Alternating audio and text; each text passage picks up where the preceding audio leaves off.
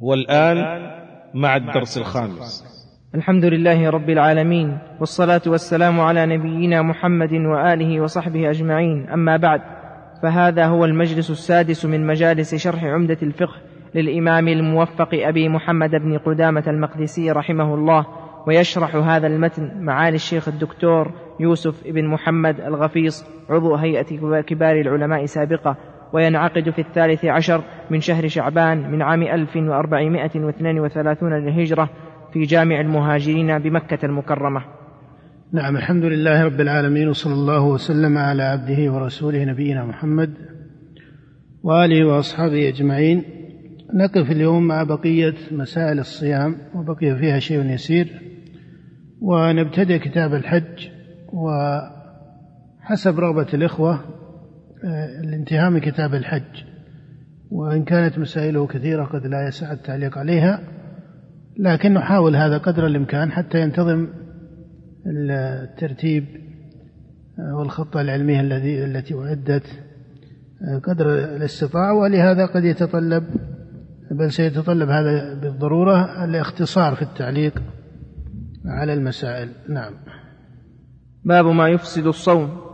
من أكل أو شرب أو استعطى أو من أكل من أكل. من أكل أو شرب أو استعطى أو أوصل إلى جوفه. واستعطى استعطى أو استعطى أو أوصل إلى ليست استعطى استعطى. استعطى أو أوصل إلى جوفه شيئا من أي موضع كان أو استقاء أو استمنى أو قبل أو لمس فأمنى أو أمذى أو كرر النظر حتى أنزل أو احتجم عامدا ذاكرا لصومه فسد. فسد. أو ذاكرا لصومه فسد. نعم قال المصنف رحمه الله تعالى باب ما يفسد الصوم. وذلكم أن الشارع. جعل للصيام حقيقة في القصد وحقيقة في العمل. أما حقيقته في القصد فهو الإخلاص لله ونية التقرب به إلى الله سبحانه وتعالى بحسب ما شرعه الشارع. وأما من حيث العمل فإن له حقيقة من حيث الإمساك عن المفطرات. قال رحمه الله من أكل أو شرب فهذا إذا كان عامدا فإن صومه يفسد بإجماع العلماء. هذا مفطر من مفطرات الصيام ومن نواقض الصيام. قال أو استعطى كذلك عند جمهور العلماء بل هذا مذهب الأئمة الأربعة. قال أو أوصل إلى جوفه شيئا من أي موضع كان. كذلك اتفقت المذاهب الأربعة على هذا. وإن كان هذا الاتفاق اتفاق مجمل والمسائل فيها تفصيل في بعضها. قال أو استقاء فقاء أو استقاء فقاء أي طلب القي ليس ذرعه القي.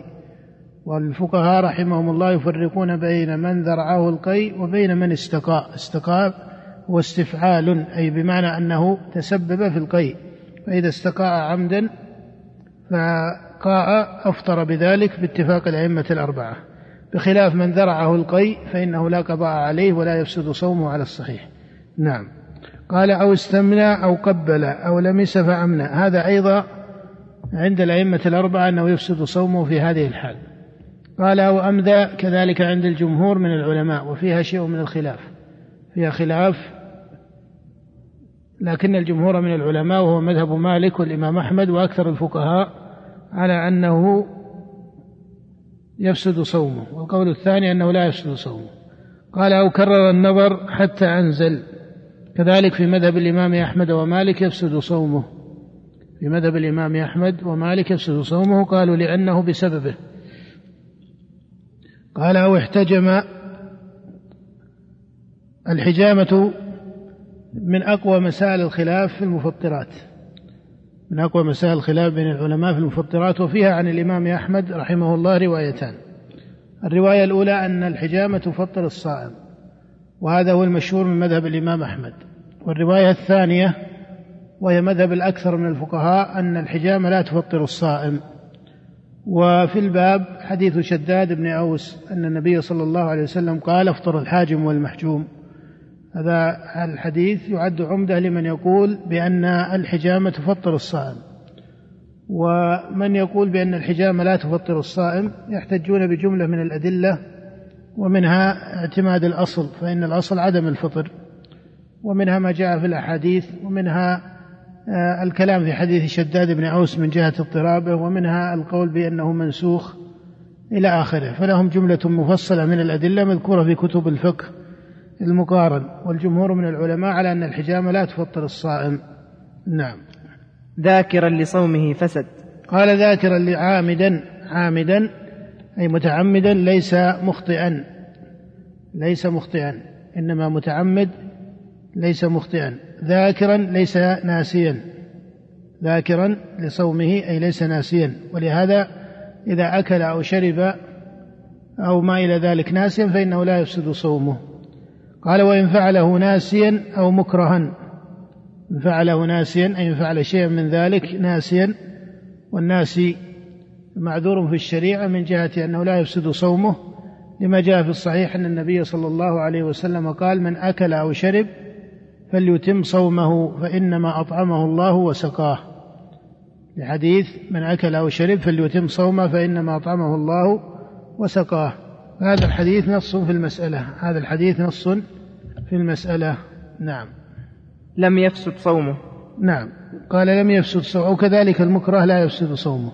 قال وإن طار إلى حلقه وإن طار إلى حلقه ذباب أو غبار أو تمضمض أو استنشق فوصل إلى حلقه ماء أو فكر فأنزل أو قطر في إحليه نعم إن طار إلى حلقه ذباب أو غبار فإنه لا يفسد صومه عند عامة العلماء وهو مذهب الأئمة الأربعة. وكذلك إن تمضمض أو استنشق فوصل الماء إلى حلقه أو حتى إلى جوفه فإنه لا يفسد صومه عند الأئمة الأربعة وهو قول العامة من أهل العلم لأنه لم يقصد ذلك. إنما قصد المضمضة والاستنشاق. ولهذا لا يستحب للصائم المبالغة في المضمضة والاستنشاق. إذا كان صائما لا يستحب له المبالغة في المضمضة والاستنشاق. قال فوصل إلى حلقه ماء أو فكر فأنزل. أي فكر في أمر آه، النساء مثلا في أمر زوجته أو نحو ذلك فأنزل. قال المصنف فوصل إلى أو فكر فأنزل. أو ذرعه القي لم يفسد صومه. إذا فكر فأنزل لم يفسد صومه عند جمهور العلماء وهو مذهب الإمام أحمد والشافعي وأبي حنيفة. وذهب الإمام مالك إلى أنه إن فكر فأنزل فسد صومه. ولكن الجمهور من العلماء على أنه إن فكر فأنزل لا يفسد صومه. قالوا لأن فك فرق الأكثر من الفقهاء بين النظر وبين التفكير. فإن المذهب كما سبق أنه إن كرر النظر فأنزل فسد صومه أليس كذلك؟ وهنا قالوا إن فكر فأنزل لا يفسد صومه لماذا فرقوا؟ قالوا لأن حديث النفس معفو عنه ولكن هذا التعليل الذي علل به بعض فقهاء المذهب فيما يظهر ليس بذاك فيما يظهر ليس بذاك لأن المقصود بحديث النفس الذي عفي عنه كما جاء في الصحيحين إن الله تجاوز لأمتي ما حدثت به أنفسها ما لم يعملوا. ما لم يعملوا أو يتكلموا به. إذا كان هذا على سبيل آه، العروض لكن إذا كان هذا على سبيل التتابع فيه مع أنه ينافي الصيام فيقال هنا إنه مؤاخذ به. يعني إذا استمر في التفكير إذا عرض له التفكير فأنزل فلا شك أنه لا يفسد صومه. لكن إن أقام على التفكير لو قدر أنه أقام على التفكير حتى أنزل أن هذه حالات شبه نادرة لكن على كل حال الفقهاء يقررونها فلا بد أن نعرف حكمها. إن أقام على التفكير مع أنه يعرف منافاة ذلك للصيام أنه قد يجر إلى ما ينافي الصيام وهو الإنزال فهذا تسببه ظاهر وهذا ما أخذ علماء المالكية. فإذا هذا وجه التفريق أنه حديث نفس وحديث النفس معفو عنه. نعم. ومن أكل يظنه ليلا فبال أو احتلم كذلك من احتلم فإنه بإجماع العلماء أن صومه صحيح. يعني إذا نام فاحتلم في منامه فصومه صحيح. قال أو ذرعه القي. أو ذرعه القي يعني قاء بغير اختياره. قاء بغير اختياره. فالذي يقي بغير اختياره هذا لا يفسد صومه عند الأئمة الأربعة. نعم. ومن أكل يظنه ليلا فبان نهارا فعليه القضاء. ومن أكل يظنه ليلا فبان نهارا قال فعليه القضاء. ووجه ذلك أفطر وعليه القضاء. وجه ذلك قالوا لأن الأصل بقاء النهار. وعلى هذا الأئمة الأربعة رحمهم الله يرون أن من أكل يظنه ليلا فبان نهارا قالوا فعليه القضاء. نعم. ومن أكل شاكا في غروب الشمس فسد صومه. عندك ومن أكل يظنه ليلا فبان نهارا ماذا؟ أفطر ولا فعليه القضاء؟ فعليه القضاء. نعم هذا هذا الصحيح. ومن أكل يظنه ليلا يعني يظن أنه لا يزال من الليل فبان نهارا أي أنه دخل الفجر. قال فعليه القضاء لأنه أكل في النهار تحقق أنه أكل في النهار. نعم. ومن أكل شاكا ومن أكل شاكا في غروب الشمس فسد صومه. ومن أكل شاكا في غروب الشمس فسد صومه. إذا أكل يظن الشمس قد غربت. إذا أكل يظن الشمس قد غربت. ولم تغرب فإن صومه يكون فاسدا. لما قالوا؟ لأن الأصل بقاء النهار. فلا يفطر إلا إذا تحقق غروب الشمس. نعم. باب صيام التطوع. أفضل الصيام صيام داود عليه السلام. كان يصوم يوما ويفطر يوما. هذا جاء في الصحيح من حديث عبد الله بن عمرو أن النبي صلى الله عليه وسلم قال أفضل الصيام صيام داود. كان يصوم يوما ويفطر يوما. نعم. وأفضل الصيام بعد شهر رمضان شهر الله الذي يدعونه المحرم. نعم. وهذا أيضا جاء في الصحيح من حديث أبي هريرة أن النبي صلى الله عليه وسلم قال أفضل الصيام بعد رمضان شهر الله المحرم. نعم. وما من أيام العمل الصالح فيهن أحب إلى الله من عشر ذي الحجة. كذلكم. هذا جاء في حديث ابن عباس الذي رواه الإمام البخاري والإمام أحمد وغيرهما. نعم. ومن صام رمضان وأتبعه بست من شوال وقول المصنف رحمه الله وما من أيام العمل الصالح فيها أحب إلى الله من عشر ذي الحجة.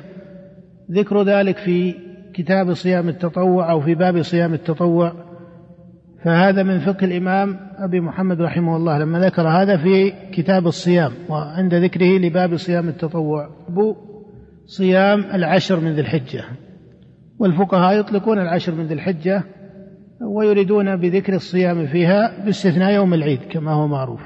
باستثناء يوم العيد وإلا معلوم أن يوم العيد لا يدخل في ذلك. لكن هذه الأيام العشر من ذي الحجة هي كما جاء عن النبي ما من أيام العمل الصالح فيها أحب إلى الله من هذه العشر. قالوا يا رسول الله ولا الجهاد في سبيل الله؟ قال ولا الجهاد في سبيل الله إلا رجل خرج بنفسه وماله ثم لم يرجع من ذلك بشيء. فقوله ما من أيام العمل الصالح فيهن أحب إلى الله من هذه العشر؟ يدل على مشروعية صيامها ولا يحتاج إلى دليل خاص يثبت أن النبي صلى الله عليه وسلم أمر بصيامها على التخصيص أو أنه عليه الصلاة والسلام صامها.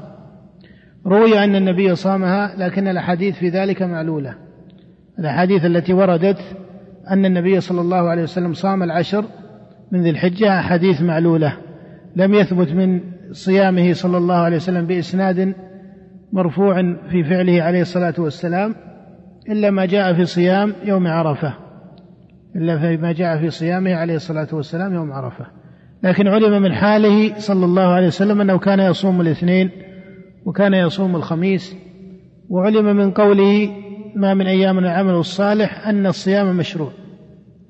ولهذا ذهب الأئمة الأربعة بل حكى بعض فقهاء الشافعية الإجماع على مشروعية صيام عشر ذي الحجة ويقصدون بذلك خلا يوم العيد خلا يوم العيد. وعمدة العامة من أهل العلم بما فيهم الأئمة الأربعة وكما أسلفت أنه حكي اتفاق حكي الاتفاق عليه.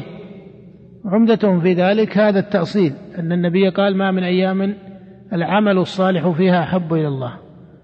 ونقول لا يلزم أن يثبت أن النبي واصل صيامها أو سرد صومها. لماذا؟ لأنه عليه الصلاة والسلام لم ينقل عنه أنه أيضا ترك صيامها. فعدم النقل ليس نقلا للعدم عدم النقل ليس نقلا للعدم ويكفي في ثبوت سنته بإجماع العلماء ثبوت السنة القولية أما أن الصيام داخل فيها فهذا متحقق شرعا لأن الصيام أحد الأعمال الصالحة أليس كذلك؟ فإن قيل أن صوم أن صيامها لم يثبت به سنة فعلية لزم من ذلك أن كل عمل من الأعمال الصالحة لا يكون مشروعا في العشر إلا أن يثبت به إيش؟ ماذا؟ سنة فعلية. ولهذا بعض الحدثاء في العلم بعض طلبة العلم الحدثاء في العلم كأنهم يقولون إن صيام العشر ليس بمشروع لعدم الدليل وهذا خطأ. بل هناك دليل بين في هذا وهو حديث ابن عباس لأن الصيام داخل في الصيام داخل في العمل الصالح. ونفي بعض الصحابة لصيام النبي لا يدل ضرورة على انتفائه. وإلا فعائشة رضي الله عنها قالت ما رأيت رسول الله صلى الله عليه وسلم صائما في العشر قط. لكن هذا اجتهاد. ويدل على أن النبي تركها في بعض الحال. لكن لا يدل قطعا على أنه ما صامها أبدا. إنما أخبرت عن نفسها. وعائشة وغيرها قد تخبر عن حال معينة ثم تنتفي هذه الحال. وقد بين ذلك كبار العلماء من علماء الأصول أن مثل هذا في حكاية الحال ليس هو كالنص المرفوع إلى النبي صلى الله عليه وسلم. هذه حكاية حال يجتهد فيها الصحابي بحسب علمه. ولهذا عائشة نفسها في صلاة الضحى. قالت ثلاث روايات كلها مخرجة في الصحيح. كلها مخرجة في الصحيح. مرة قالت ما رأيت النبي يصلي الضحى قط؟ وإني لو سبحها. ومرة قالت كان لا يصلي الضحى إلا أن يجيء من مغيبة. ومرة قالت كان يصلي الضحى أربعا ويزيد ما شاء الله. فهذه روايات مختلفة. مرة تنفي ومرة تقول إنه يفعلها إذا جاء من مغيبة ومرة تقول إنه كان يفعلها دون تعليقه بسبب. فعلى كل حال نفي عائشة يدل على بعض الحال. لا يدل يقينا وجزما على جميع الحال. ونقول إنه يلزم من من نفي ذلك أن من يقرأ القرآن في العشر أو يتصدق في العشر أو يعتمر في العشر أو يجلس يذكر الله في العشر. لو طرد هذا التعليل الذي يعلل به بعض المبتدئين في العلم لما كانت قراءة القرآن مستحبة ولما كان الذكر مستحبا. لأنه ما ثبت أيضا أن النبي صلى الله عليه وسلم كان يقرأ القرآن في هذه العشر كان يقرأ القرآن في كل حالة. لكن ما ثبت أنه خصها بقراءة مختصة للقرآن أليس كذلك؟ ولا حفظ أنه تصدق صدقة خاصة في هذه العشر. ولا حفظ أنه خصها بعمل معين. فهذا يلزم عليه طرده يلزم عليه تعطيل الأعمال الصالحة. لأنه قيل أن النبي ما فعله قيل ومن يثبت أن النبي فعل كذا وفعل كذا. هذا خطأ في التأصيل هذا خطأ في التأصيل تماما. ولذلك اتفاق الأئمة الأربعة بل وعامة العلماء حتى حكي الإجماع على ذلك على مشروعية صيامها إنما هو وفق الأصول العلمية المعروفة عند كبار المجتهدين. فمثل هذه الطريقة في الفقه طريقة خطأ التي ترتب على مثل هذا النحو في ترك الأعمال الصالحة بما فيها الصيام لمثل هذا التعليل. هذا تعليل لا وجه له. نعم. ومن صام رمضان وأتبعه بست من شوال فكأنما صام الدهر وهذا مستحب عند جمهور العلماء خلافا للإمام مالك. والصحيح مذهب الجمهور لما ثبت في السنة من حديث أبي أيوب الأنصاري رضي الله عنه رواه الإمام مسلم وغيره أن النبي صلى الله عليه وسلم قال من صام رمضان ثم أتبعه ستا من شوال فكأنما صام الدهر. وهذه الست من شوال لا يشرع وصلها برمضان وإنما يفعل المكلف ما يكون مناسبا لحاله. إذا قيل هل السنة وصلها برمضان يعني بعد يوم العيد بعد يوم العيد هل السنة ذلك؟ أم السنة تأخيرها إلى وسط الشهر أو آخر الشهر؟ قيل الأولى أن يفعل المكلف ما يكون إيش؟ ما يكون مناسبا لحاله لكن لا يظهر لي أن من كمال الديانة وصلها برمضان ولا سي لأن هذا لا دليل عليه لأن هذا لا دليل عليه. بل بعض العلماء كره ذلك بعض العلماء كره ذلك وهذا أحد أجوبة المالكية عن مذهب مالك. فإن بعض المالكية ولا سيما المائلين إلى الحديث لما رأوا السنة في هذا بينة وهي حديث أبي أيوب الذي أخرجه مسلم تأولوا مذهب مالك على هذا. ولكن المعتمد عند فقهاء المالكية أن مالكا لا يراه أن مالكا لا يراه ووجهه عنده أنه لم تبلغه السنة في ذلك. قد نص على ذلك في موطئه رحمه الله. فلم تبلغه هذه السنة التي بلغت غيره من آه، العلماء. إنما المقصود أن وصله برمضان لا دليل على مشروعيته لكنه ليس مكروها على الصحيح بل سائغ ولكنه ليس هو الأفضل. ويفعل المكلف ما يكون مناسبا لحاله. وإنما ينبه إلى هذا لأن بعض العوام يصلون ذلك برمضان يصلون ذلك عفوا يصلونه نعم يصلونه برمضان يعني يكون بعد يوم العيد من اليوم الثاني يلتزمون الصيام. وربما تكون هذه الأيام وربما تكون هذه الأيام الأولى أحيانا أيام اتصال الناس بعضهم ببعض وزيارة الناس بعضهم ببعض وصلة الأرحام. فهذا يختلف باختلاف البلاد واختلاف الأعراف. فإن كان يترتب على هذا الوصل شيء من تأخير صلة الرحم التي قد يتفرق أهلها بالسفر ونحو ذلك فينبغي للمكلف وللمسلم هنا أن يراعي المصالح الشرعية ومن أعظم المصالح الشرعية ما يتعلق بصلة الرحم. نعم. وصيام يوم عاشوراء كفارة سنة. وصيام يوم عاشوراء كفارة سنة. صيام عاشوراء مشروع. وليس بواجب وليس بواجب لكنه مشروع ودل عليه جملة من النصوص منها حديث ابن عباس وحديث عائشة مخرجة في الصحيحين ويكفر سنة كما جاء في حديث أبي قتادة. نعم. وصيام يوم عرفة كفارة سنتين. أيضا كذلك جاء في حديث أبي قتادة صيام يوم عرفة أحتسب على الله أن يكفر السنة التي قبله والسنة التي بعده وصيام عرفة مشروع لغير الحاج. صيام يوم عرفة مشروع لغير الحاج. أما من كان حاجا فالجمهور من العلماء لا يستحبون له الصيام. لأن النبي صلى الله عليه وسلم ثبت بالسنة أنه كان مفطرا في عرفة لما حج عليه الصلاة والسلام. وذهبت طائفة من الفقهاء إلى أنه مشروع ما لم يؤثر على وقوفه ودعائه. يعني ما لم ينقص عزمه في النسك. قالوا فإن ترتب على ذلك تأخر العزم لديه في اشتغاله بذكر الله ودعائه في وقوفه فلا يفوت الأصل في المقام في مقام الوقوف وهو الذكر والدعاء إلى عبادة تركها النبي صلى الله عليه وسلم في هذا المقام. هذا على من؟ هذا على مذهب من يفصل هذا التفصيل لكن على مذهب الجمهور لا يرونه مستحبا. اقتداء بحال النبي صلى الله عليه وسلم لأنه حفظ عنه كما في الصحيح أنه لم يصم يوم عرفة لما كان حاجا. نعم. ويستحب صيام أيام البيض. إذن هو مذهب الأئمة الثلاثة. خلافا للإمام أبي حنيفة فإنه يستحبه بعرفة ما لم يضعفه عن الوقوف. نعم. ويستحب صيام أيام البيض. قال ويستحب صيام أيام البيض. وجاء فيها بعض الأحاديث وليس في الصحيح في الصحاح في الصحيحين. ليس في الصحيحين شيء في أحاديث في صيام أيام البيض لكنها جاءت في السنن وبعض أحاديثها آه، متكلم فيها. بعض أحاديثها متكلم فيها. فصيام البيض مشروع عند الجمهور من العلماء وفيها آثار في السنن حديث السنن مرفوعة إلى النبي صلى الله عليه وسلم لكنها ليست واردة في الصحيحين ولهذا تكلم فيها بعض أهل الحديث وحسنها بعضهم. ومن هنا اختلف الفقهاء في مشروعيتها. فالأئمة الثلاثة يرون صيام أيام البيض مشروعة. هذا مذهب أبي حنيفة والشافعي وأحمد. نعم. خلافا للإمام مالك فإنه لم يستحب تخصيص البيض بالصيام. نعم. والاثنين والخميس. والاثنين والخميس وهذا جاء في الصحيح. أن النبي صلى الله عليه وسلم كان يفعل ذلك.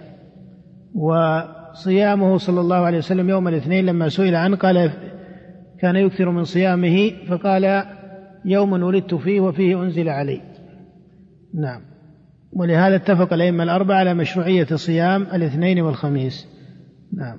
والصائم المتطوع أمير نفسه إن شاء صام وإن شاء أفطر ولا قضاء عليه. والصائم المتطوع أمير نفسه إن شاء صام وإن شاء أفطر أي يجوز له قطع الصيام. يجوز له قطع الصيام. وثبت أن النبي صلى الله عليه وسلم دخل على أهله كما في الصحيح من حديث عائشة فقالت له زوجه أهدي يا رسول الله لنا شيء. في رواية أهدي لنا حيس. وقال النبي صلى الله عليه وسلم أرنيه فلقد أصبحت صائما. فلما جاءت به أكل منه عليه الصلاة والسلام. فهذا يدل على أنه قد يكون في بعض الحال يقطع الصيام لكن هذا قطعا ليس الغالب على حال النبي صلى الله عليه وسلم إنما الغالب على حاله أنه إذا صام أتم الصيام. لكن عرض منه ذلك ليبين صلى الله عليه وسلم ليبين هذا الحكم لأمته. ولهذا يقال الصائم أمير نفسه كما عبر المصنف لكن يكون هذا على سبيل الأدب مع الشريعة. وهذا لا يقع من الصائم إلا ذلك إنما فعله تقربا إلى الله. فإذا قام سبب فيه مصلحة راجحة وأراد قطع الصيام فإن هذا يكون سائغا. ولو قطعه لمحض حق نفسه فإن ذلك ساغ أيضا لأنه لا يلزمه المضي فيه. نعم. وكذلك سائر التطوع إلا الحج والعمرة. نعم. على كل حال الصائم أمير نفسه هذا في مذهب الإمام أحمد والشافعي خلافا لمالك رحمه الله. نعم. والصحيح ما ذهب إليه الشافعي وأحمد لمجيء السنة بذلك. قال وكذلك سائر وكذلك سائر التطوع إلا الحج والعمرة. نعم. سائر التطوع لكن يقيد ذلك بمراعاة أدب الشريعة. بمراعاة أدب الشريعة. إلا الحج والعمرة فإنه يجب إتمامها أو قال إتمامهما. الحج والعمرة يجب المضي فيه. إذا ابتدأه تطوعا وجب عليه الإتمام. لقول الله تعالى وأتم الحج والعمرة لله فالأصل في مذهب الشافعي وأحمد أن أعمال القرب المستحبة يجوز قطعها من صيام أو غيره. إلا الحج والعمرة فإنه يجب المضي فيه والإتمام لقوله سبحانه وتعالى وأتم الحج والعمرة لله. يرد في هذا الصلاة يرد في هذا الصلاة. ولم يثبت أن النبي صلى الله عليه وسلم قطع صلاة ولهذا لا يصح قطعها ولو كانت تطوعا لأن هذا القطع على خلاف ترتيب الشارع لها وليست كالصيام لأن الصيام فيه انقطاع عن الأكل والشرب فيه انقطاع عن الأكل والشرب وجاءت الشريعة برفعه في حال السفر. وجاءت الشريعة برفعه في حال السفر. أما الصلاة فإنه إذا أحرم بها لا يصح أن يفارقها إلا بانتهاء صحيح. إلا بانتهاء صحيح لأن قطعها على سبيل الانصراف عن ركوعها وسجودها كان يقطعها وهو قائم هذا لا يصح.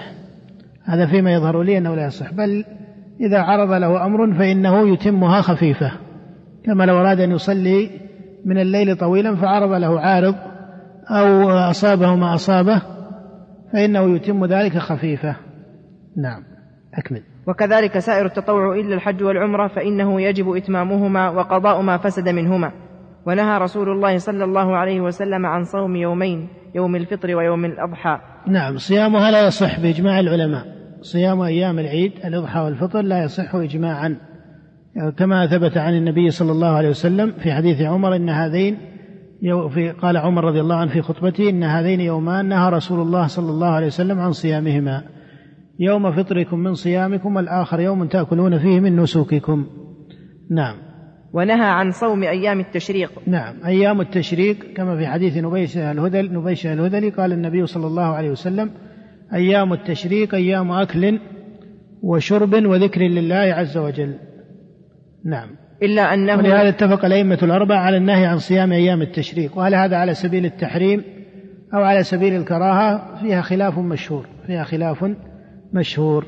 نعم. إلا أنه رخص في صومها للمتمتع إذا لم يجد الهدي. إلا أنه رخص في صومها للمتمتع الذي لم يجد الهدي. لما جاء في حديث عائشة رضي الله تعالى عنها لم يرخص في أيام التشريق أن يصمن إلا لمن لم يجد الهدي. وهذا هو الراجح من قوله الفقهاء وهو مذهب الإمام أحمد ومالك أن المتمتع الذي لم يجد الهدي يجوز له الصيام في أيام التشريق. هذا في مذهب مالك والإمام أحمد خلافا للشافعي وأبي حنيفة. نعم. وليلة القدر في الوتر من العشر الأواخر من رمضان. قال وليلة القدر في الوتر من العشر الأواخر من رمضان. وهذا عند جماهير العلماء أن ليلة القدر في الوتر من العشر الأواخر من رمضان أي في ليالي الوتر وهو مذهب الشافعي ومالك وأحمد.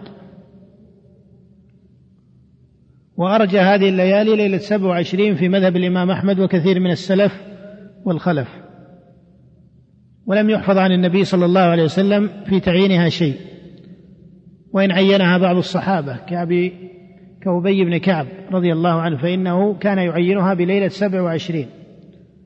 كما جاء في الصحيح من حديث زر بن حبيش قال قلت لأبي بن كعب إن أخاك ابن مسعود يقول من يقوم الحول يصب ليلة القدر. فقال أبي رضي الله عنه أراد أن لا يتكل الناس. أما قد علم أنه في رمضان أنها في رمضان وأنها في العشر الأواخر. ثم حلف لا يستثني أنها ليلة سبع وعشرين.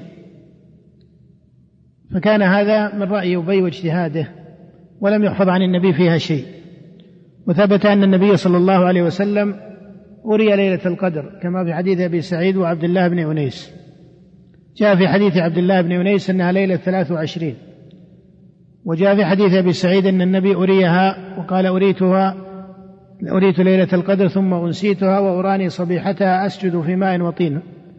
فأصبح النبي صلى الله عليه وسلم من ليلة إحدى وعشرين وعلى جبينه وروثة أنفه أثر الماء والطين. هذا جاء في حديث أبي سعيد أنها ليلة إحدى وعشرين ونحوه من حديث عبد الله بن أنيس أن النبي أريها وأنه يسجد صبيحتها في ماء وطين وكانت ليلة ثلاث وعشرين. فلعل مخرج الحديث مختلف فلعل مخرج الحديث مختلف فيكون أريها النبي غير مرة. وجاء في حديث أبي سعيد أريت ليلة القدر فخرجت لأخبركم بها فجاء رجلان يحتقان معهما الشيطان فأنسيتها فالتمسوها في العشر الأواخر. نعم. باب الاعتكاف. قال باب الاعتكاف وهو مشروع بالكتاب والسنة والإجماع.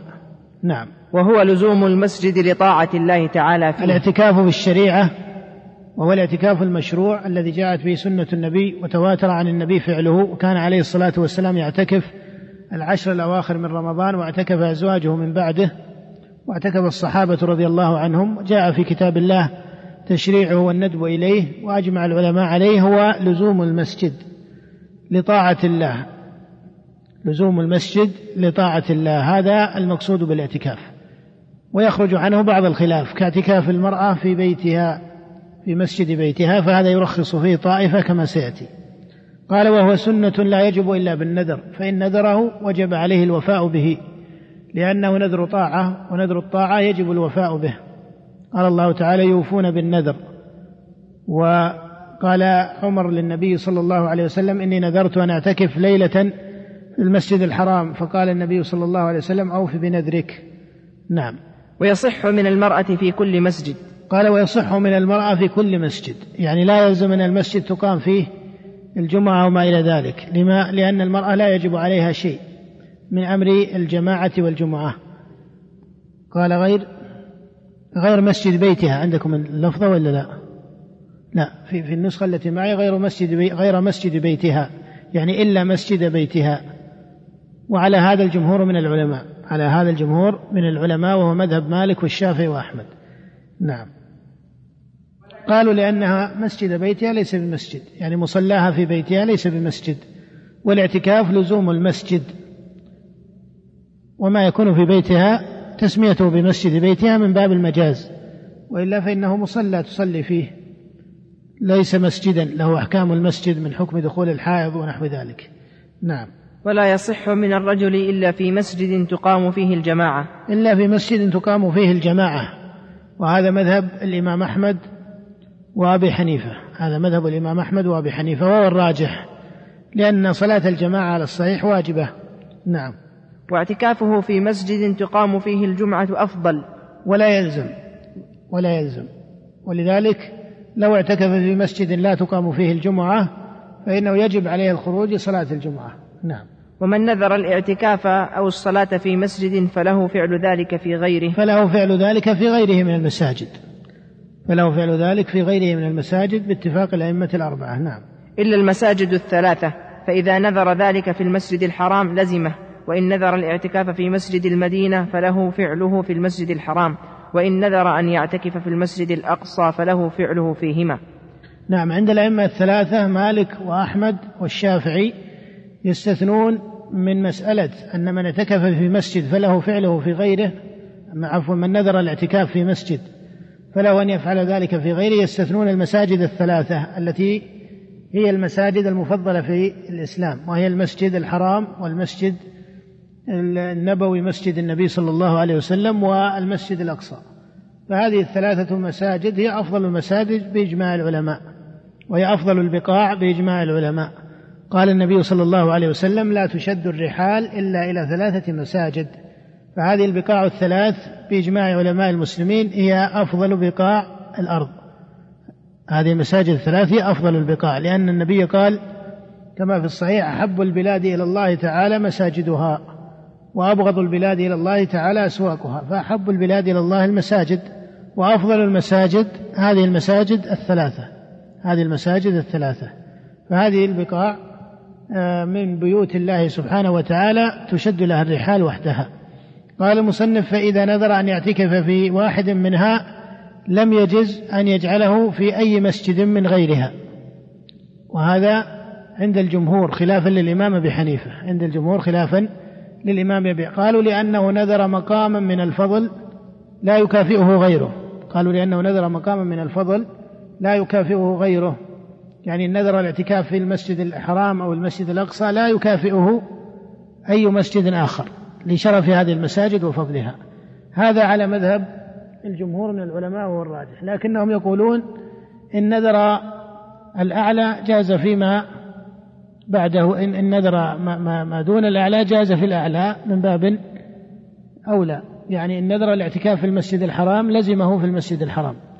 وإن نذر الاعتكاف في المسجد النبوي أجزأه في المسجد النبوي أو المسجد الحرام. وإن نذر اعتكافه في المسجد الأقصى أجزأه فيه أو في النبوي أو في المسجد الحرام. نعم.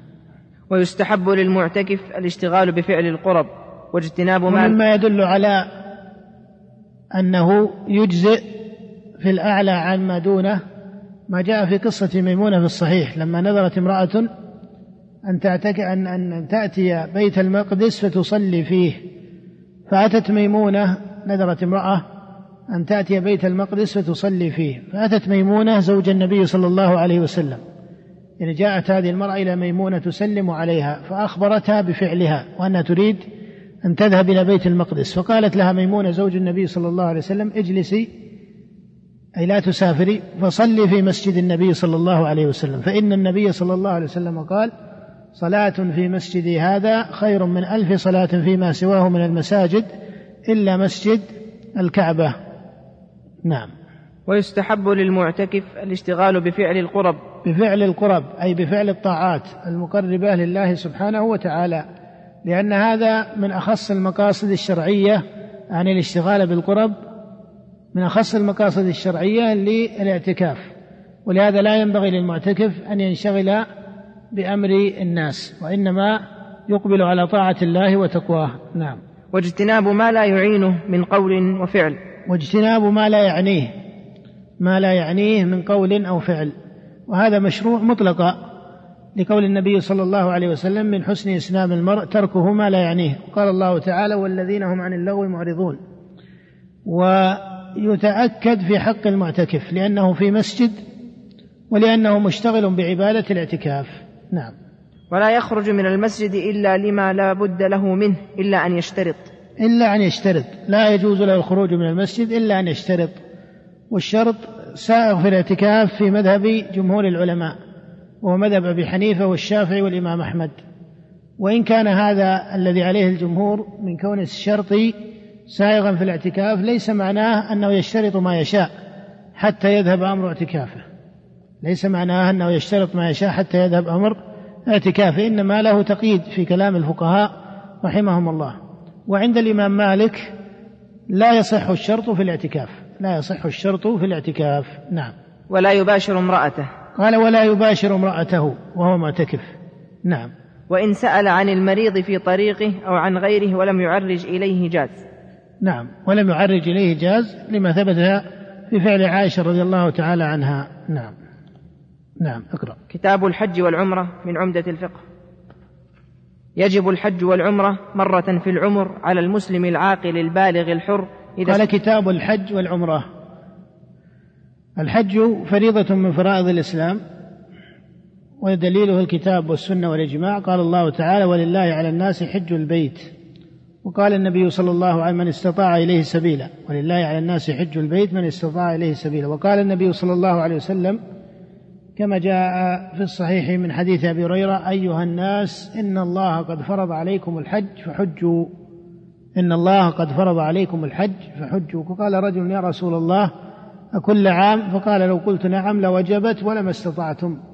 ثم قال ذروني ما تركتكم فإنما هلك من كان قبلكم بكثرة سؤالهم واختلافهم على أنبيائهم. وأجمع العلماء على وجوبه وأنه أحد مباني الإسلام وأحد الفرائض المجمع عليها بين وهو أفضل الأعمال بعد الصلاة والصيام والزكاة. نعم. إذا استطاع إليه سبيلا والعمرة محل خلاف من جهة وجوبها وإن كانوا أجمعوا على مشروعيتها. وأجمعوا أنه لا يجب الحج إلا مرة والعمرة عند من يقول بوجوبها كذلك. قال يجب الحج إجماعا والعمرة في مذهب الشافعي وأحمد العمرة واجبة. وفي مذهب مالك وأبي حنيفة أن العمرة مستحبة. والخلاف في مسألة وجوب العمرة أو استحبابها خلاف قوي وتفصيل أدلته في موارد التفصيل. قال مرة في العمر وهذا مجمع عليه بين العلماء أيضا. نعم. والنبي صلى الله عليه وسلم ما حج بعد بعثه بعد بعثته إلا حجة واحدة وهي حجة الوداع. وإن كان حج عليه الصلاة والسلام قبل بعثته. كما في حديث جبير بن مطعم لما رأى النبي صلى الله عليه وسلم واقفا بعرفة قال جبير فقلت إن هذا من الحمص من قريش. وكانت قريش لا تخرج إلى عرفة ويقولون هم أهل الحرم لا يفارقون إلى الحل. بل يقفون بالمزدلفة. فما شأنه ها هنا. وذلكم أن النبي حتى قبل بعثته صلى الله عليه وسلم كان على التوحيد وكان على الإيمان وعلى هدي من عند الله سبحانه وتعالى وإن كان لم يبعث نبيا رسولا حينها. لكنه صلى الله عليه وسلم كان حنيفا مسلما. وهذه قاعدة يعرفها طالب العلم متحققة عند أهل العلم وهي أن جميع الأنبياء صلى الله عليهم أجمعين جميع الأنبياء والرسل قبل بعثتهم كانوا حنفاء. كانوا حنفاء مخلصين الدين لله. لم يقع نبي من الأنبياء فضلا عن نبينا صلى الله عليه وسلم فيما ينافي التوحيد من قول أو فعل. ولم يقع نبي من الأنبياء في موبق من الموبقات أو في كبيرة من الكبائر. بل عصمهم الله سبحانه وتعالى وكفهم عن أصول الشر وأصول الضلال. ثم أنعم عليهم وأتم نعمته عليهم بأن جعلهم من المصطفين بالرسالة والنبوة. لكنهم حتى قبل النبوة والرسالة لم يقع منهم ما ينافي التوحيد. لم يقع منهم ما ينافي التوحيد من قول بل جميعهم حنفاء لله غير مشركين به. نعم. على المسلم على المسلم العاقل البالغ الحر إذا استطاع إليه سبيلا. نعم إذا استطاع إليه سبيلا. والاستطاعة أن يملك زادا وما ينقله إلى مكة وما يعبر عنه الفقهاء بالزاد والراحلة. بالزاد والراحلة كما جاء في الأثر. واليوم أصبحت وسائل النقل المتعددة والمختلفة. فإذا استطاع ذلك مع الأمن مع وجود الأمن أمن الطريق فإنه يجب عليه الحج. وهل الحج على الفور أو على التراخي؟ هذا محل خلاف بين العلماء. هذا محل خلاف بين العلماء. نعم. والاستطاعة أن يجد زادا وراحلة بآلتهما مما يصلح لمثله فاضلا عما يحتاج إليه لقضاء دينه ومؤنة نفسه وعياله على الدوام. نعم أن يجد زادا وراحلة صالحين مما يصلح لمثله فضلا أي زائدا عما يحتاج إليه لقضاء دينه ومؤونة نفسه وعياله. هذا ضابط الاستطاعة في مذهب الأئمة الثلاثة في مذهب أبي حنيفة والشافعي والإمام أحمد. وهو تقريب للمقصود من الاستطاعة. وعند المالكية لا يشترطون الراحلة بل يقولون إن كان ليس بعيدا عن مكة ويستطيع المشي إليها لزمه المشي إليها. وكذلك التعبير بكلمة صالح لمثله فينبغي أن يفهم كلام الفقهاء في هذا. ليس المقصود أنها صالحة لمثله أي بحسب حاله من الفقر والغنى. بل المقصود أنها صالحة لمثله يعني يحصل بها الأمن في الانتقال بها يحصل الأمن بالانتقال بها. مثال ذلك لو أن رجلا من الأغنياء وهذا على تأصيلنا أو على التأصيل على أحد قولي الفقهاء بأن الحج على الفور مثلا. فلو قال هذا الرجل بأنه من الأثرياء والأغنياء وعادته أنه لا يركب الطائرة إلا الدرجة الأولى. تمام؟ فلما أراد أن يحجز إلى مكة بالطيران قالوا ما في إلا الدرجة الأدنى السياحية كما تسمى. فهذا لا يقال إن هذه الدرجة لا تصلح لمثله ليس معتادا لها. بل هذا هذه راحلة صالحة لمثله يعني صالحة لمثله من الناس. المقصود هنا أنه لا ينبغي أن يراعي مسائل إيش؟ الترف هنا. لا يجوز مراعاة مسائل الترف في هذا. مثل لو قال ما وجد حملة إلا حملة ومخيم إلا مخيم بسيط مثلا. هذا ما يكفي. لدفع أو لإسقاط مجيئه للحج.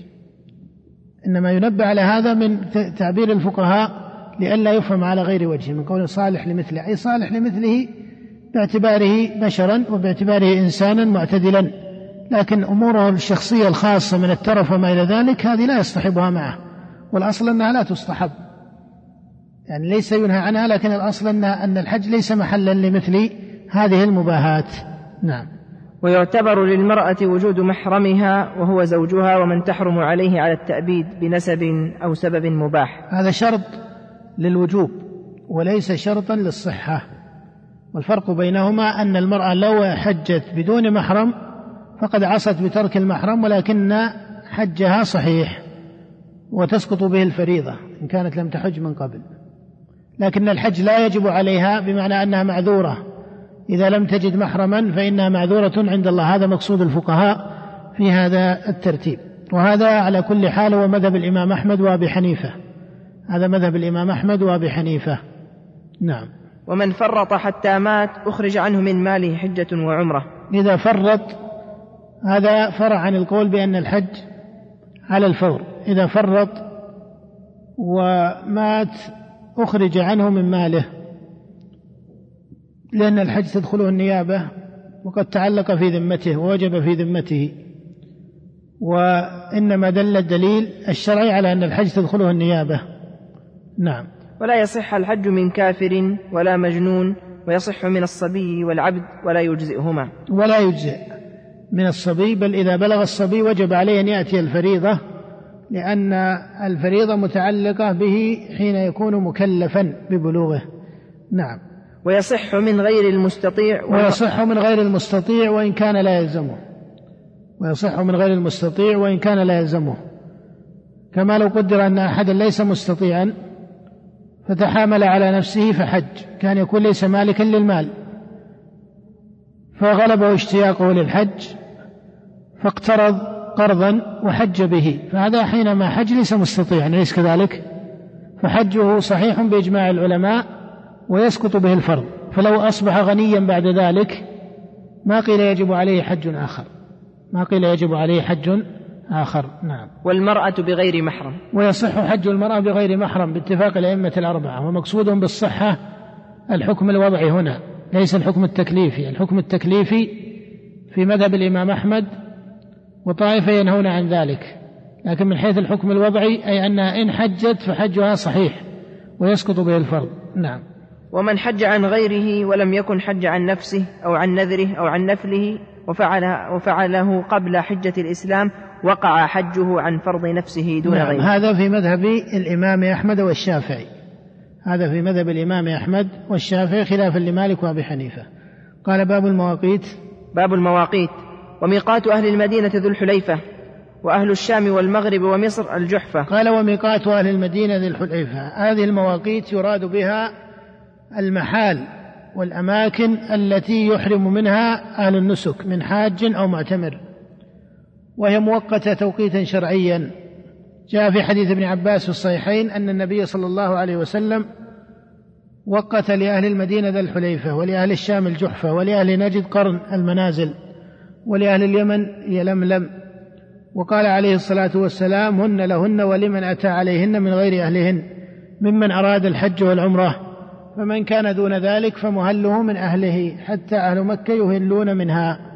فهذا جاء في حديث ابن عباس وفي الباب غيره. فالمواقيت مؤقتة بتوقيت الشارع. أما أهل المدينة فلهم ذو الحليفة. وهو مكان معروف بهذا الاسم إلى اليوم. وأجمع العلماء على أن أهل المدينة هذا ميقاتهم.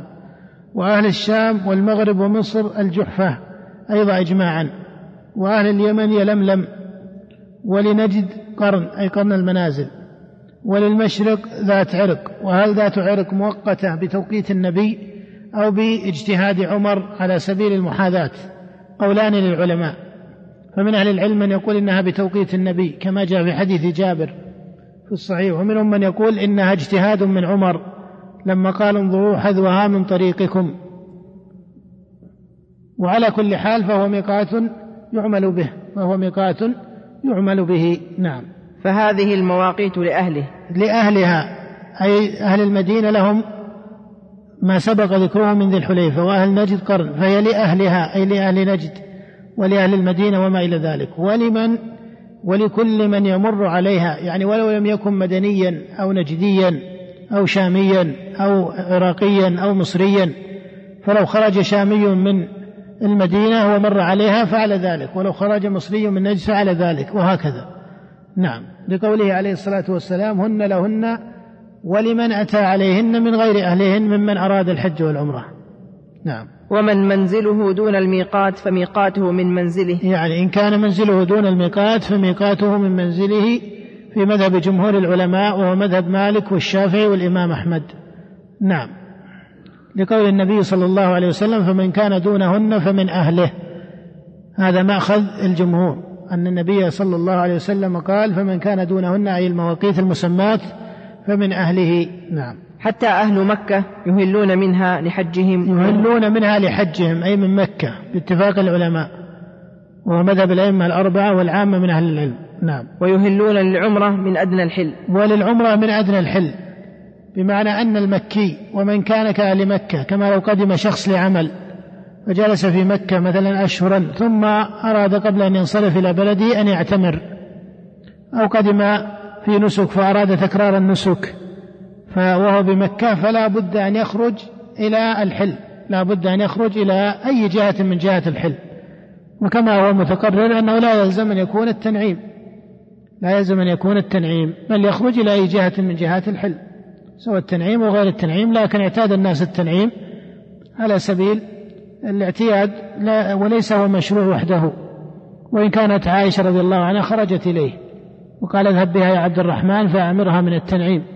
قال النبي صلى الله عليه وسلم ذلك في عمرة عائشة لكن حيث خرج إلى أدنى الحل من أي جهة جاز ذلك. فيخرجون إلى الحل. وهم لا يزالون بمكة لا يزالون بمكة. فلا ينافي هذا ما جاء في حديث آه، حتى أهل مكة يهلون منها. وهذا الذي ذكره المصنف هو مذهب الأئمة الأربعة أن المكي للعمرة لا بد أن يخرج إلى الحل بخلاف الحج فإنه يهل من بيته ولا يلزمه أن يخرج إلى إيش؟ لا يلزم المكي إذا أراد الحج أن يخرج إلى ماذا؟ إلى الحل بل يحرم من بيته ولو كان بيته داخل الحرم. بخلاف العمرة فإذا أراد المكي أو من كان بمكة أن ينشئ عمرة فإنه لا بد أن يخرج لا بد أن يخرج إلى الحل عند الأئمة الأربعة وهو الصحيح. نعم.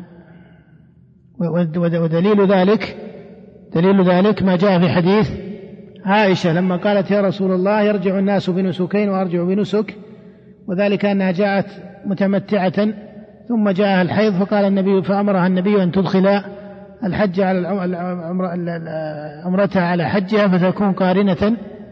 فلما صارت قارنة آه، وكان في نفسها رضي الله عنها أنها تكون متمتعة قالت يا رسول الله يرجع الناس بنسكين وأرجع بنسك واحد مع أنها في حقيقة الحال رجعت بنسكين لأنها قارنة دخلت عمرتها في حجها كما قال النبي صلى الله عليه وسلم دخلت العمرة في الحج.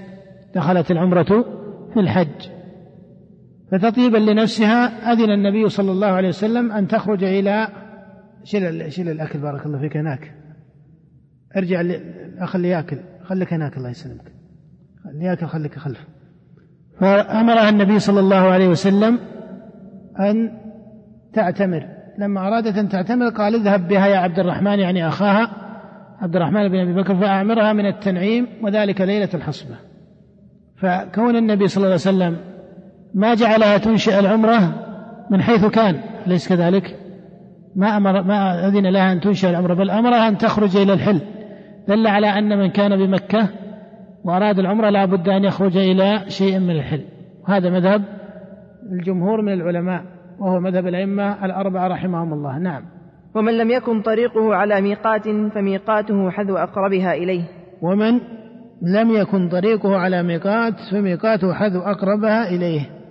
يعني إن كان ليس له ميقات فينظر إلى وهذا احتاجه الناس في هذا العصر كثيرا احتاجه الناس في هذا العصر كثيرا لما جاءت الطائرات وأصبحت الخطوط الجوية لها أنظمة محددة فأصبحوا يحاذون في كثير من الأحوال فأصبحوا يحاذون في كثير من الأحوال والمحاذاة مبنية على القياس الشرعي ومبنية على فعل الصحابة كما جاء في فعل عمر رضي الله تعالى عنه. نعم. ولا يجوز لمن أراد دخول مكة تجاوز الميقات غير محرم إلا لقتال مباح وحاجة تتكرر. هذا على مذهب الجمهور وهو رواية أو إحدى الروايتين عن الإمام أحمد وهي المشهورة من المذهب. والرواية الثانية ومذهب الشافعي جواز دخول مكة بغير إحرام وهذا هو الصحيح. هذا هو الأظهر أن مكة يجوز دخولها بغير إحرام ما دام أنه لم يرد حجا وعمرة. لقول النبي صلى الله عليه وسلم ممن أراد الحج أو العمرة. فمفهومه أن من لم يرد لا يلزمه ذلك. وهذا الذي ذهب إليه الإمام الشافعي وهو رواية عن الإمام أحمد. نعم. غير حاجة وحاجة تتكرر كالحطاب ونحوه. كالحطاب. ويقاس عليه أهل السيارات الذين ينقلون الناس وما إلى ذلك. لكن هذا كله فرع عن كونه لا يدخل مكة بغير إحرام. كله فرع عن كونه لا يدخل مكة بغير إحرام. إنما استثنى القتال المباح لفعل النبي صلى الله عليه وسلم والأظهر في المسألة ما سبق وهو مذهب الإمام الشافعي وإحدى الروايتين عن الإمام أحمد. لحديث ممن أراد الحج أو العمرة في ذكر المواقيت. فمفهومه أن من لم يرد لا يلزمه الإحرام. نعم. ثم إذا أراد النسك أحرم من موضعه. أحرم من موضعه. ثم إذا أراد النسك أحرم من موضعه. يعني أن الإحرام الذي يذكرونه هنا لا يريدون به فعل العمرة أو فعل الحج. إنما يدخل محرما ويطوف بالبيت. ليس المقصود أنه يعتمر. هذا لم يقل بوجوبه أحد. نعم. وإن وإن جاوزه غير محرم رجع فأحرم من الميقات ولا دم عليه. إن جاوز الميقات ولم يحرم رجع إليه. فإذا رجع إليه فأحرم منه فلا شيء عليه. وإذا تجاوز الميقات فأحرم بعد الميقات فإنه يلزمه دم فإنه يلزمه دم لأنه ترك واجبا من واجبات النسك وهو الإحرام من الميقات المعتبر له. نعم. ولا دم عليه لأنه أحرم من ميقاته. فإن أحرم من دونه فعليه دم سواء رجع سواء رجع إلى الميقات أو لم يرجع. يعني فإن أحرم دونه يعني إن تجاوز الميقات ولم يحرم فرجع نفعه رجوعه فيحرم من الميقات ولا شيء عليه. هذا مقصوده وهو مذهب الأئمة الأربعة. فإن أحرم دونه يعني أحرم بعد الميقات أحرم من دونه أحرم من دونه يعني بعد الميقات هذا مقصود العبارة. مع أن كلمة الدون كلمة مشتركة في المعنى لكن المقصود أحرم بعد الميقات تجاوز الميقات فأحرم. فيقول المصنف إن عليه دم. إن عليه دما رجع أو لم يرجع رجع أو لم يرجع. هذا مذهب الإمام أحمد رحمه الله ومالك. وعند الإمام أبي حنيفة يقول إن رجع إلى الميقات سقط عنه الدم. والأظهر ما ذهب إليه الإمام أحمد ومالك لأنه تلبس بالنسك وقد ترك الواجب. نعم. والأفضل أن لا يحرم قبل الميقات فإن فعل فهو محرم. والأفضل أن لا يحرم قبل الميقات فإن فعل فهو محرم. يعني الأفضل أنه يحرم إذا وصل الميقات. لكنه لو أحرم قبل الميقات ساغ ذلك ويكون محرما أي تلزمه أحكام الإحرام ويتقيد بأحكام المحظورات وما إلى ذلك. وينبه اليوم إلى ما يكون في الطائرات. فإن العادة أن أنه ينبه من قبل قائد الطائرة على أنهم يمرون بميقات الإحرام. لكن نلاحظ أحيانا أن بعض العوام يتأخر حتى يأتي التنبيه الذي يقول في قائد الطائرة أو أحد الملاحين إننا نمر الآن بمحاذاة الميقات. فإذا سمع هذه العبارة قام يلبس إذا كان رجلا يلبس ملابس الإحرام. ثم وربما يتوسع في طريقة اللبس أو ينتظر الذهاب إلى مكان فيه اختصاص أو ما إلى ذلك. وتعرف سرعة الطائرات. فتتجاوز الطائرة المحاذاة. الطائرة بسرعتها لا تكون على عين الميقات يقينا لكن على سبيل المحاذاة قد يجلس عشر دقائق ربع ساعة وهو يقلب ملابسه ويبحث عن ملابسه ويتشاور مع من حوله حتى يتجاوز الميقات. فهذا لا شك أنه يكون أحرم بعد الميقات. ولذلك ينبغي أن يكون هناك استعداد بحيث إذا أعلن قائد الطائرة أو أحد الملاحين بأنهم يمرون الآن بميقات الإحرام ما يبقى عليه إلا إيش؟ إلا إيش؟ إلا أن يلبي. أما إذا أعلنوا هذا قام يستعد هذا لا شك أنه مخطئ. وإذا كان استعداده استعدادا يطول ولم يلبي بالنسك ولم يلبي بالنسك فقد فاته الإحرام من الميقات المعتبر له. فهو يقع في أحد محظورين إما أن يفوته وإما أن وإما إيش؟ وإما أن يلبي بالنسك ولا تزال الثياب عليه فيقع في محظور من محظورات الإحرام. نعم. وأشهر الحج شوال وذو القعدة وعشرة من ذي الحجة. قال وأشهر الحج شوال وذو القعدة وعشر من ذي الحجة. هذه أشهر الحج في مذهب الجمهور من العلماء وهو مذهب الإمام أبي حنيفة والشافعي والإمام أحمد. نعم. نعم. باب الإحرام. من أراد الإحرام استحب له أن يغتسل ويتنظف ويتطيب. ويتجرد عن المخيط ويلبس إزارا ورداء أبيضين نظيفين ثم يصلي ركعتين قال رحمه الله باب الإحرام.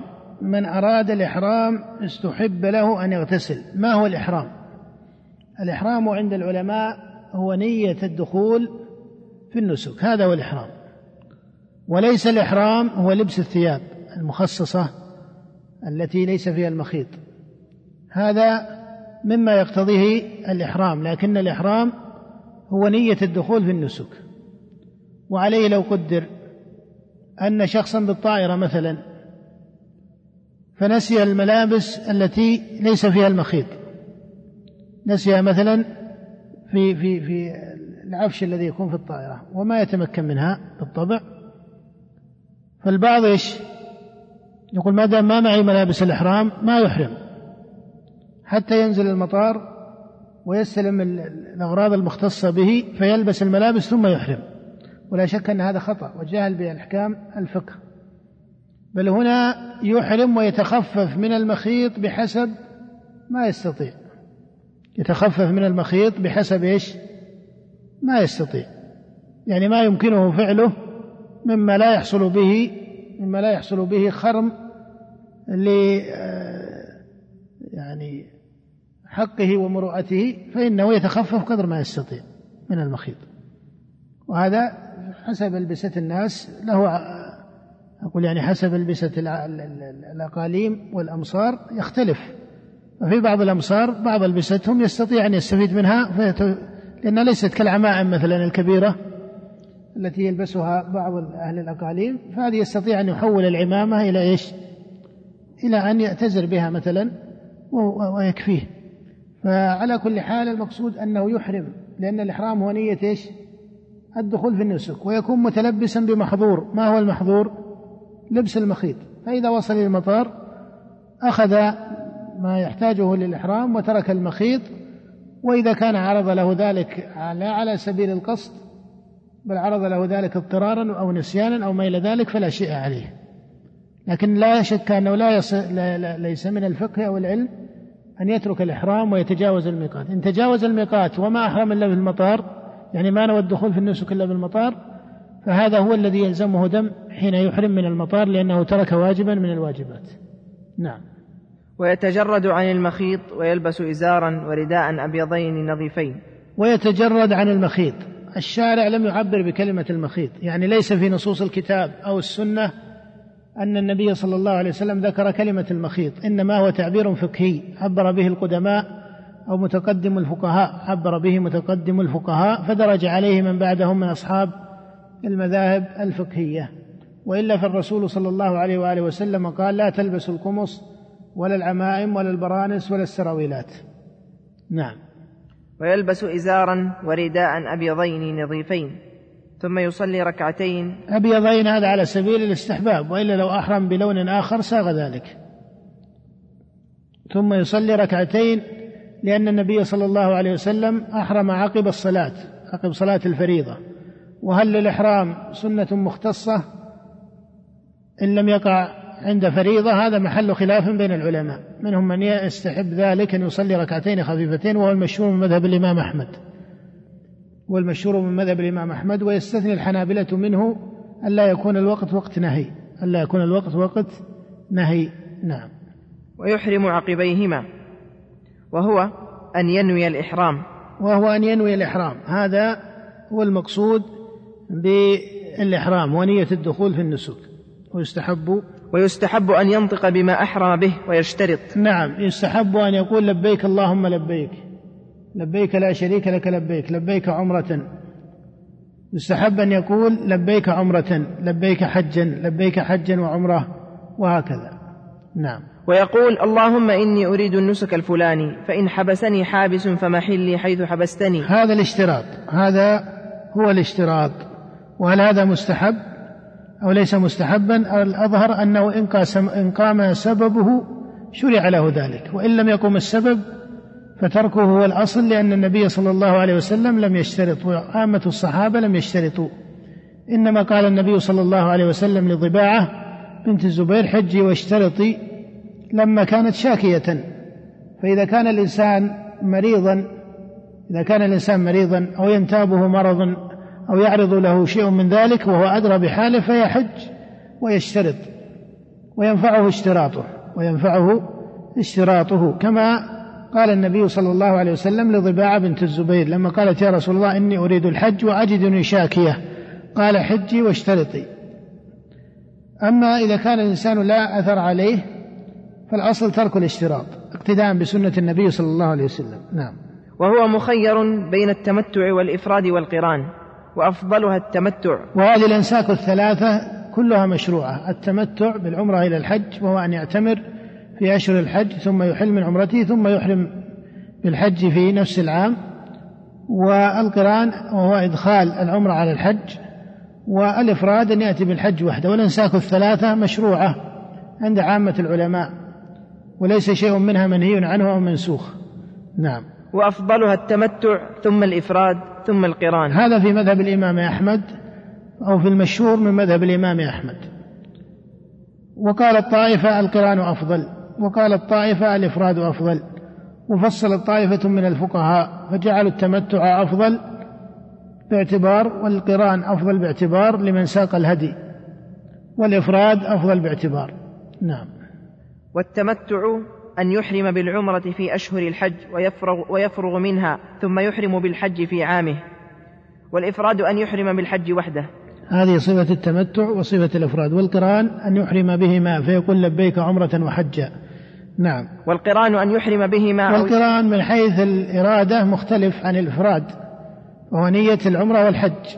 والحج والإفراد ونية الحج وحده. لكن من حيث الفعل فعلى قول جمهور العلماء صفة القرآن وصفة الإفراد واحدة. على مذهب الجمهور من أهل العلم صفة القرآن وصفة الإفراد واحدة. إلا أن القارن عليه دم والمفرد لا يلزمه دم. وعلى مذهب الحنفية يزيد القارن على المفرد يزيد القارن على المفرد. لكن مذهب الجمهور أنه من حيث الفعل الصفة واحدة إلا في وجوب الدم. نعم. والقرآن أن يحرم بهما أو يحرم بالعمرة ثم يدخل عليها الحج. ولو أحرم بالحج ثم أدخل عليه العمرة لم ينعقد إحرامه بالعمرة. على مذهب الجمهور لم ينعقد إحرامه وهو مذهب الشافعي ومالك والإمام أحمد. فإذا استوى فإذا استوى على راحلته لبى فقال لبيك اللهم لبيك لبيك لا شريك لك لبيك. نعم وهذه تلبية التوحيد كما قال جابر رضي الله عنه في حجة النبي فلبى رسول الله صلى الله عليه وسلم بالتوحيد قال لبيك اللهم لبيك. نعم. لبيك لا شريك لك لبيك. إن الحمد والنعمة لك والملك لا شريك لك. ويستحب الإكثار منها ورفع الصوت بها لغير النساء. وهي آكد فيما إذا علا نشزا أو هبط واديا أو سمع ملبيا أو فعل محظورا ناسيا أو لقي ركبا وفي أدبار الصلاة المكتوبة وبالأسحار وإقبال الليل والنهار. نعم يعني يشتغل بالتلبية. من حين يحرم بالحج يشتغل بالتلبية ويقلب نفسه بها فلا ينقطع عنها ولا يغفل عنها. ولكنها تتأكد في بعض الأحوال التي أشار إليها المصنف. ولا تنقطع التلبية بالنسبة للحاج إلا عند رميه الجمرة عند رميه الجمرة يوم العيد. وإلا حتى في عرفة وإن كان لم يحفظ عن النبي صلى الله عليه وسلم أنه لبى وهو واقف بعرفة لكن حفظ ذلك من فعل الخلفاء الراشدين كأبي بكر الصديق وعمر وجماعة من الصحابة. ولهذا يستحب الاشتغال بالتلبية. وإن كان من الصحابة من كبر ومنهم من لبى قال أنس رضي الله عنه غدونا من منى إلى عرفات منا الملبي ومنا المكبر. فالمقصود أنه لا ينقطع عن التلبية وليس المقصود أنه لا يجمع معها التكبير. هذا آه الذي جاءت به الآثار. هذا الذي جاءت به الآثار لأن التلبية عبادة وهي ذكر لله وتوحيد له ولهذا سماها جابر التوحيد. قال فأهل رسول الله صلى الله عليه وسلم بالتوحيد وهي تلبية إبراهيم عليه الصلاة والسلام. آه، انتهينا إلى قول المصنف باب محظورات الإحرام. كنا نحب أن ننتهي من الكتاب لكن لارتباط حقيقة بالسفر في صباح الغد إن شاء الله تعالى آه، لابد أن نقف إلى هذا القدر ولا ينبغي أن نزيد يعني آه، بأن نعلق على المسائل بطريقة أخصر من هذا هذا لا, لا, لا أراه مناسبا أو حتى لائقا حتى يكون للمسائل فائدة في عرضها. فإلى هذا الحد الذي يمكن الاختصار به في التعليق. وإلا هذه المسائل كما نعرف فيها كثير من التفصيل والاستدلال والمناقشة. لكن أردنا كسب الوقت مراعاة لما اعتبره الإخوة في ترتيبهم. ولكن لعل فيما قرئ خير وبركة. ونقف على قول المصنف باب محظورات الإحرام. وبالله التوفيق وصلى الله وسلم على عبده ورسوله نبينا محمد. وبهذا ننتهي من التعليق على هذه المسائل في هذا المسجد المبارك من بيوت الله. جامع المهاجرين وفي ضمن هذه الدورة العلمية المقامة في سنة 32 و400 وألف من هجرة النبي صلى الله عليه وسلم بمكة المكرمة. نسأل الله سبحانه وتعالى أن يجعل عملنا وإياكم خالصا لوجه الكريم وأن يجعله علما نافعا وعملا صالحا عنده. بالله التوفيق وصلى الله وسلم على عبده ورسوله نبينا محمد. نسأل الله تعالى أن يجزي الشيخ خير الجزاء وأن يجعل ما قدم في موازين حسناته. مع تحيات إخوانكم في مؤسسة الإمام البخاري الإسلامية بمكة. هاتف رقم خمسة أربعة ثلاثة أربعة اثنين ستة سبعة. والسلام عليكم ورحمة الله وبركاته.